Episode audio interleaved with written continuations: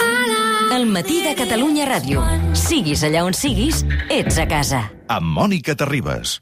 En el marc d'un estat social i democràtic de dret, com Espanya es defineix en la seva Constitució del 1978, podem preguntar-nos quines implicacions té el dispositiu pandèmia? A més dels seus efectes estrictament sanitaris, quines altres funcions compleix? Constitueix un nou element de control social, de disciplina i acatament d'un nou ordre de seguretat? Es tracta d'un nou ordre postdemocràtic en què els drets i les garanties ordinaris de l'estat de dret queden, com a mínim, també en quarantena, en suspens i alterats per un nou estat d'alarma? El nou poder judicial, policial i militar, almenys a Espanya i a diversos països, és la nova forma de govern governança postmoderna? Iñaki Rivera, el nuevo gran encierro de la modernidad tardía, text publicat dins del volum col·lectiu Pandèmia, Drets Humans, Sistema Penal i Control Social en temps de coronavirus. A València, Tirant-lo Blanc, 2020. El racó de pensar. Un moment, no ens precipitem, primer pensem. Un moment, no ens precipitem, primer pensem. Jo pense... Molt oportú. David Fernández, Xavier Antic, bon dia. Vosaltres pensem, vosaltres penseu... Bon dia, Mònica. Benvinguts, dia, Mònica. Benvinguts al racó de pensar. De què parlem avui? D'això que, acaba, d'això que acabes de llegir de l'Iñaki Rivera, que a més és eh, eh, tot just arribat, es va publicar ahir en edició digital i surt la setmana que ve en llibre i parlem d'això, de drets humans, sistema penal i control social en temps de, de coronavirus. Però I quin que que ara el que, que ara és una excepció no acabi sent la norma. I quin és el problema? Quin és el debat que no ho estic notant al Congrés, això? Fons i forma, segurament.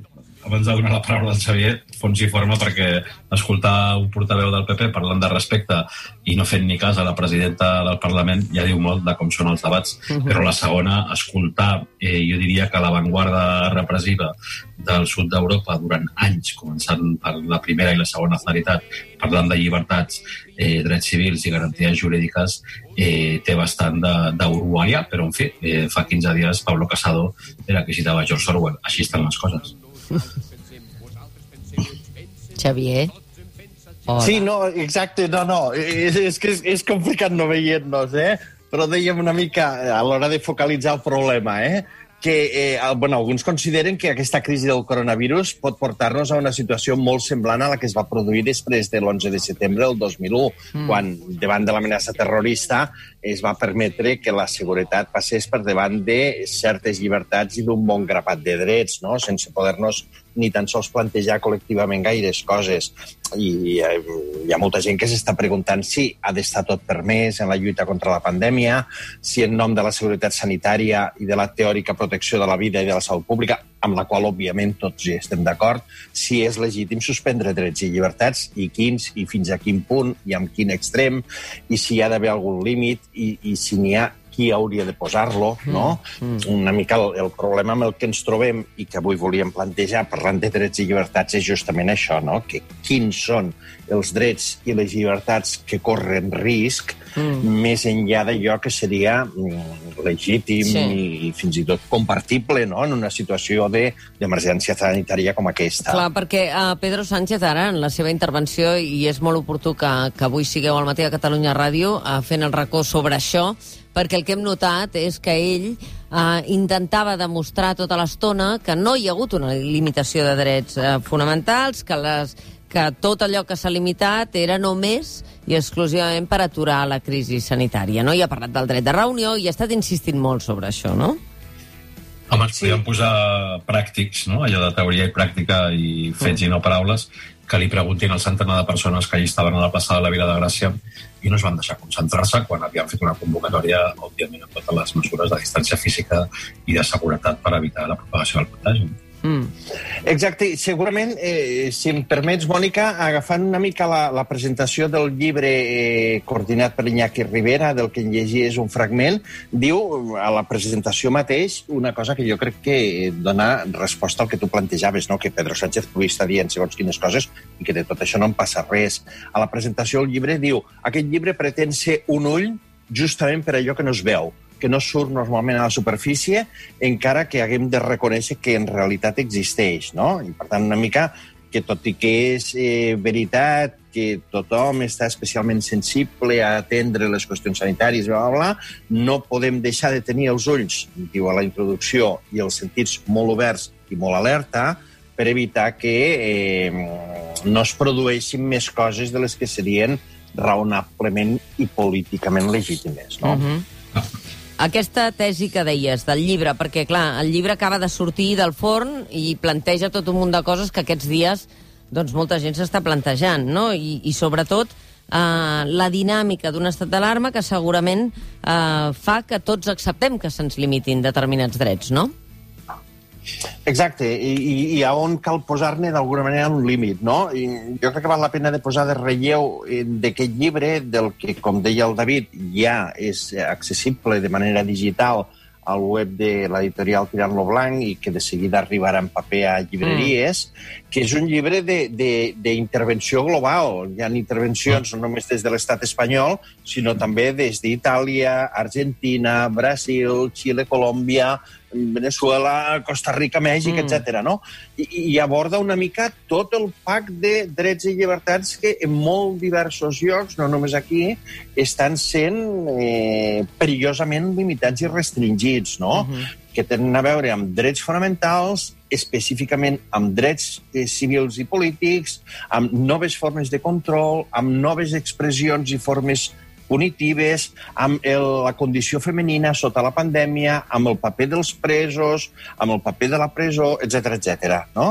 I una mica, sobretot, també amb la mirada posada no només en el que està passant, sinó en el futur, és a dir, en aquest endemà, no?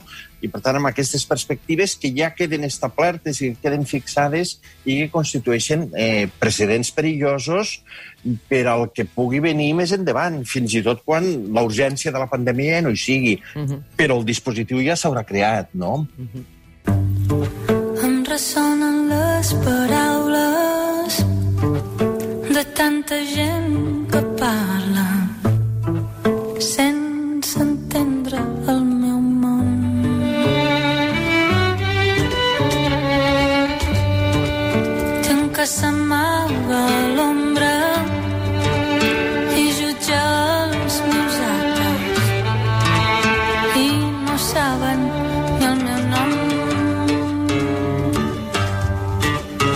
Clar, la Constitució espanyola regula en l'article 116 el dret constitucional d'excepció. Ara sentíem Pedro Sánchez que deia bueno, només deixo el ministre de Sanitat com a comandament i, per tant, elimino altres, altres uh, competències que estaven centralitzades a través d'Interior, a través, uh, evidentment, també de defensa i de mobilitat i deia que no s'havien limitat. Però alguns juristes han advertit que amb l'estat d'alarma no es pot suspendre cap dret, sinó que només es pot limitar i sota molt estrictes condicions la llibertat de moviments i circulació, com molt bé deies ara, però en realitat aquesta excepcionalitat centralitzada amb el ministre de Sanitat li permet prendre tota mena de decisions, no, David? Eh, doncs sí, la veritat és que és així, i a més eh, jo crec que, el, eh, que aquesta centralització en el debat que estem tenint, eh, ahir també sortien les dades no? d'aquest eh, milió de, de multes no? eh, que s'han eh, que, administratives que s'han fet eh, en, aquest, eh, en aquest període mm. i ahir mateix en aquesta casa al Catalunya Nit el Xavier Boix ja qüestionava, no? és a dir, l'estat d'alarma no permet el confinament domiciliari i deia una cosa que jo crec que és important. Hi ha, dues coses, hi ha dos factors condicionants, que això era nou, és veritat, no? que mai ens havien trobat en una situació eh, com aquesta eh, en, termes, en termes comparables, i l'altra que la resposta té molts clarobscurs eh, i, i, moltes, i moltes ombres, perquè mm, ha funcionat per una corresponsabilitat eh, eh, social, però ell deia ahir mateix, la llibertat de circulació no, eh, no, es pot bé, no es pot vulnerar amb els diferents estats d'excepcions que preveu l'actual marc constitucional i no habilita a determinades coses, fos, eh, fos alarma, eh, fos setge o fos eh, excepció. I, mm -hmm. I això està passant. I ara és veritat que aquesta eh, reducció no? eh, que anunciava el govern, que només queda centralitzat la qüestió del Ministeri de Sanitat, obligadament, com deia ahir el Xavier Arbós, i diuen també, jo crec que els 20 autors no? d'aquesta obra coral i col·lectiva eh, que és Pandèmia, que a més està dedicada el Roberto Bergali, un referent en, en, en drets humans, Mm. apunten això i, i apunten a la necessitat de, en temps de confinament i d'aïllament a pensar, a, pensar, a pensar junts, però la pregunta és quan d'aquestes coses excepcionals eh, o sigui, allò que ha sigut extraordinari si quedarà després eh, clavat en, en, en una nova ordinarietat o en aquesta nova normalitat. L'experiència, l'experiència, com bé apuntava el Xavi, eh, diu que podíem estar davant el risc de la segona onada de retallada de drets i llibertats eh, del, segle, del segle XX. La primera, recordeu que va ser el, 2000, eh, el 2001, i també ens van dir que les Patriot Acts i les legislacions Mm. especials antiterroristes es quedaven per un període especial. Han passat eh, pràcticament 20 anys i no només s'han quedat, sinó que es van endurir eh, i encara es van entrar més perquè està pendent sense derivar que és el populisme punitiu uh -huh. o l'autoritarisme repressiu, quan estem parlant de salut, eh, de salut pública i de, i de vides humanes. Mm. En aquesta època que hem tingut la militarització i la policia a sobre, la Policia Nacional i aquelles rodes de premsa eh, parlant-nos de denúncies, eh, les dades del Ministeri de l'Interior diuen, eh, d'abans d'ahir, que es comptabilitzaven 996.000 propostes de sanció a ciutadans i ciutadanes des que es va promulgar el Reial Decret de l'estat d'alarma. O sigui, va mm, gairebé un milió, eh? I un total acumulat de detinguts d'aquests 8.300. Mm, Com ho, com ho valoreu, això? Eh, amb, amb autèntica alarma, no? I jo crec que també el David amb això hi estarà, hi estarà d'acord. Eh, Estem parlant d'alguna cosa que quan se posa el número, mm. la xifra que acabes de dir, 996.231 propostes de sanció, pràcticament 10.000 eh, acumulat de detinguts, estem parlant realment de eh, un paper de l'Estat molt eh, sancionador i vigilant, cosa que té, jo crec que si estem parlant de drets i de llibertats fonamentals, eh, estem parlant de eh, una cosa molt seriosa. Uh -huh. Has dit molt, molt, amb molta contundència eh, abans, Mònica, alguna cosa que jo crec que és el, el moll de l'os de l'autèntic debat, com estan dient molts juristes, eh? Que en l'estat d'alarma no es pot suspendre cap dret, uh -huh. sinó que només es pot limitar. Una cosa és la suspensió del dret i una altra cosa és la limitació. L'estat d'alarma no autoritza a suspendre drets, sinó només a limitacions extraordinàriament fonamentades uh -huh. i restrictives. Perquè una cosa és l'estat d'alarma i una altra cosa és l'estat d'excepció o l'estat de setge que són les tres anomalies constitucionals que autoritzen constitucional... I de totes tres, la d'alarma, que està perfectament Mm. codificada, és molt, és molt lleugera. Clar, eh, jo crec que el que ahir vam veure de Gràcia, que recordava el David eh, abans, o aquestes xifres que tu estàs dient ara, Mm. donen una mica la pista de que hi han drets molt molt fonamentals, mm. no? com la, el dret a la llibertat de reunió, de concentració, de manifestació, a part de d'altres que s'estan veient molt seriosament afectats, Clar, no? a Pedro I, Sánchez- I que no tenen a veure amb... Perdona. Pedro Sánchez ha dit clarament que no s'havia eh, limitat en cap moment la llibertat d'informació i d'expressió. Jo en aquest moment he dit, home, eh, no, no hi estic d'acord, diguéssim, perquè hi ha hagut moments en què, en què això ha passat, no?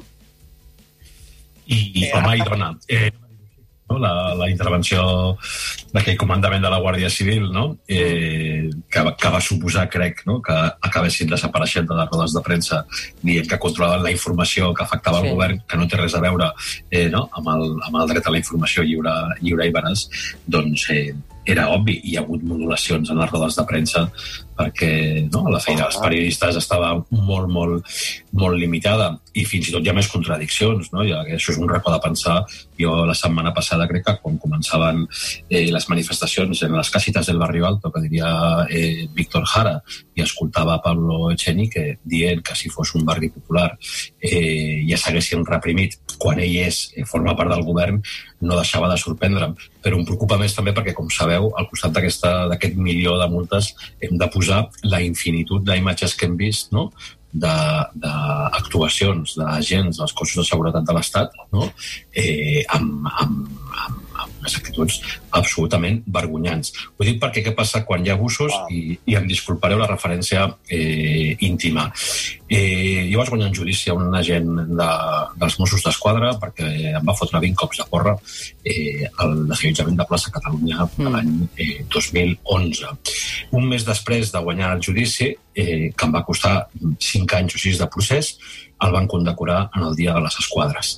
I l'última vegada eh, que vaig coincidir amb ell va ser fa tres mesos amb un judici on el tornaven a jutjar per actuacions abusives i aquell mateix, mentre es produïa aquell judici, que va ser fa molt pocs mesos, ens van informar que l'havien eh, ascendit a, a, a inspector de la Sarro eh, de Barcelona. Sincerament, eh, costa eh, molt eh, d'entendre i tenim la costum de criticar molt el que fan els altres, però ens costa molt el que fa aquest llibre també, coordinat per l'Iñaki per l'estimat Iñaki Rivera, que és posar-nos un mirall d'aquest desafiament sense precedents en totes les esferes de la vida política, social, econòmica i amb les amenaces que ja estem sentint, que són també distòpiques, no? En govern mèdic, control de la població, vigilància electrònica, eh, estranya barreja i perillosíssima entre psiquiatria i dret, i, i que tornarà a ser conceptes clau eh, del nou desordre mundial. Mira, tu has dit ara fa un moment... Uh, oi que has dit Pablo Echenique? Sí. Oi que sí? Uh, és ell qui està intervenint en nom d'Unides Podem, no és Jaume Sens. conseguir mascarillas, lo ha vuelto a hacer aquí hoy. Hay que proteger a los sanitarios, hay que proteger a las personas mayores, claro, por supuesto. Pero lo que usted nunca decía Queta. es cómo hacerlo. Digue'm, Al final no ha intervingut Jaume Sens. es van, es van tornant i és uh, Pablo Echenique ahir uh, Ascens va, ser, va fer la roda de premsa de Junta Portaveu normalment després és el que intervé però s'ho van canviant i, i avui és Pablo Echenique que només començar ja li ha fet un catallot a Pablo Casado per haver-se passat Mònica 10 minuts del 10 temps. minuts, Entre 9 i eh? 10 minuts En canvi, passat en canvi a del temps. Bascal a quadrat. A quadrat, a quadrat. Bascal que, que eh, ja es reincident en aquest sentit que dispara contra Pablo Iglesias bàsicament durant tot el, durant tot el, el seu des, discurs. Uh, que ha passat també fora de l'hemicicle? Doncs Fons d'Esquerra ens diuen que ja està decidit que si no hi ha cap sotregada forta votaran que no. Encara que hagi fet aquest gest de dir eh, només es queda el ministre Illa, eh? Eh, Exacte, de moment.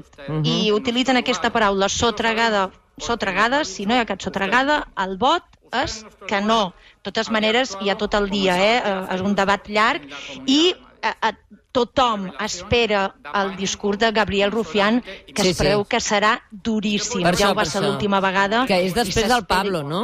De Echenique? Sí, sí. Val. Uh, fa uns minuts que ha començat, són 15 minuts. Uh, en principi ella ha dit que també quadraria i després ja, ja vindrà Gabriel uh, Rufián. Doncs eh, enllestim eh, el racó de pensar, tu et quedes escoltant Pablo Echenique i el sentirem en directe, Gabriel Rufián. Fins ara, Queta. Fins ara.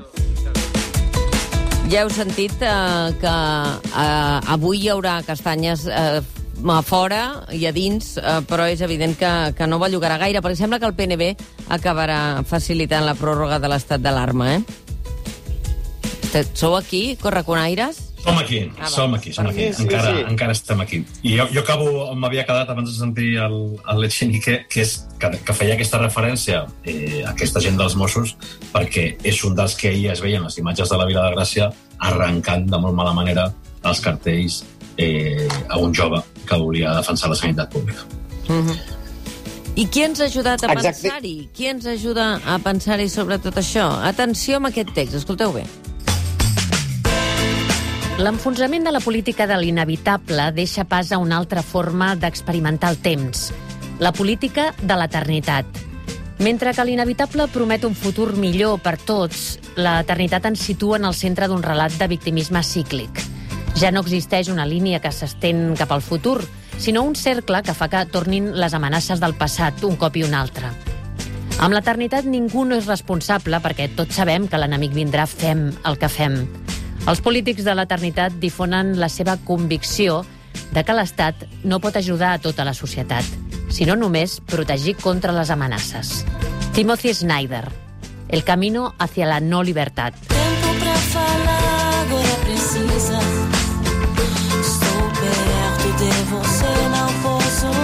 Xavier Antic, podries eh, traduir-ho? Sisplau. Sisplau. Els filòsofs són traductors, eh? No, aquesta és una tesi del Timothy Snyder, amb aquest llibre que realment és, és impressionant i us el recomano molt, eh? El del camí, el camino hacia la no libertat, en la, en la traducció al castellà, uh -huh. que anuncia una mica les mutacions que s'estan produint en la geopolítica, no? en la política global, respecte d'una nova forma d'entendre eh, allò, els marcs mentals, no? més enllà de les qüestions concretes que marquen la política en diversos països. No? I utilitza una mica eh, aquest leitmotiv del que ell en diu la política de l'eternitat, que, clar, el terme ja ens fa una mica de, de peresa de posar-nos-hi, però que tindria a veure una mica amb la recurrència contínua de les coses amb les que ens trobem i que a diferència de la idea de que la història és com una línia no? en la qual les coses van avançant, obren escenaris nous, horitzons nous, situacions i problemes nous, aquesta altra idea que és la del de retorn continu de problemes vells que eh, reapareixen de forma eh, traduïda. No?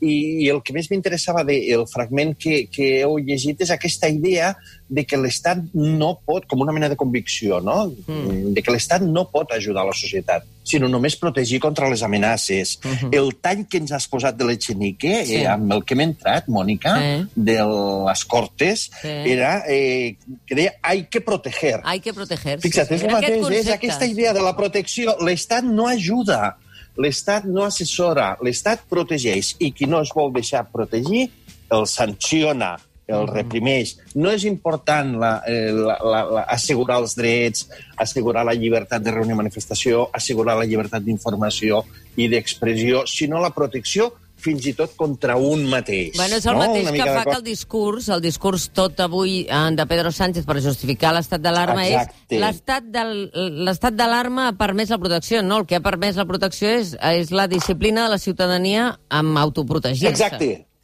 Exacte. És on se posa l'èmfasi, no? Si és la comunitat i la ciutadania madura, responsable i que restringeix d'alguna manera els seus mm, propis moviments per protegir la seva salut, però també la dels altres, o davant de la suposició de que la ciutadania és absolutament irresponsable, cal protegir-los. I cal protegir-los d'ells mateixos. Mm -hmm. Clar, són- és, és, és com de models diferents de la forma d'entendre quins són els límits i l'abast que cal atribuir als governs, als representants institucionals i quina és la responsabilitat que cal atribuir a la ciutadania.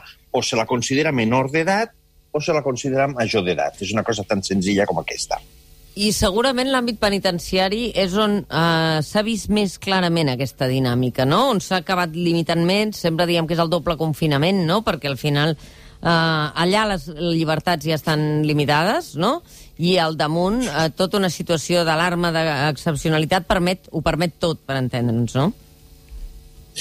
Doncs per suposat, i a més, eh, aprofitant eh, que avui parlem eh, de l'Iñaki Rivera, del llibre, i que és el, que és el director de l'Observatori del Sistema Penal i dels Drets Humans, caldrà recordar eh, que entitats de drets humans, eh, xarxes de familiars de persones empresonades i col·lectius de suport fa molt de temps, en aquests dos mesos ja de confinament, que van demanar no, eh, alleugerir eh, no, la, la, la situació que es vivia a les presons, com s'ha fet a d'altres països, al Regne Unit, eh, a França, fins i tot a països com Colòmbia eh, o Turquia, eh, i facilitar no, eh, la vida de les persones eh, mm. empresonades. I no ha estat així.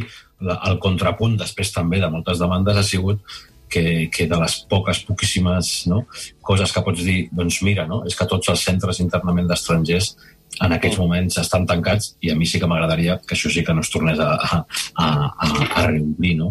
Però la situació de, de les presons eh, en un context de pandèmia on està en risc eh, la salut i, i la vida, també aquest uh -huh. ull no? de, de parlar del que no es parla eh, eh, i escoltar el que, el que no s'escolta també afecta, òbviament, a, a la presó, que és, no? és la presó dins la presó, i dins de la presó, si, par si parlem de, no?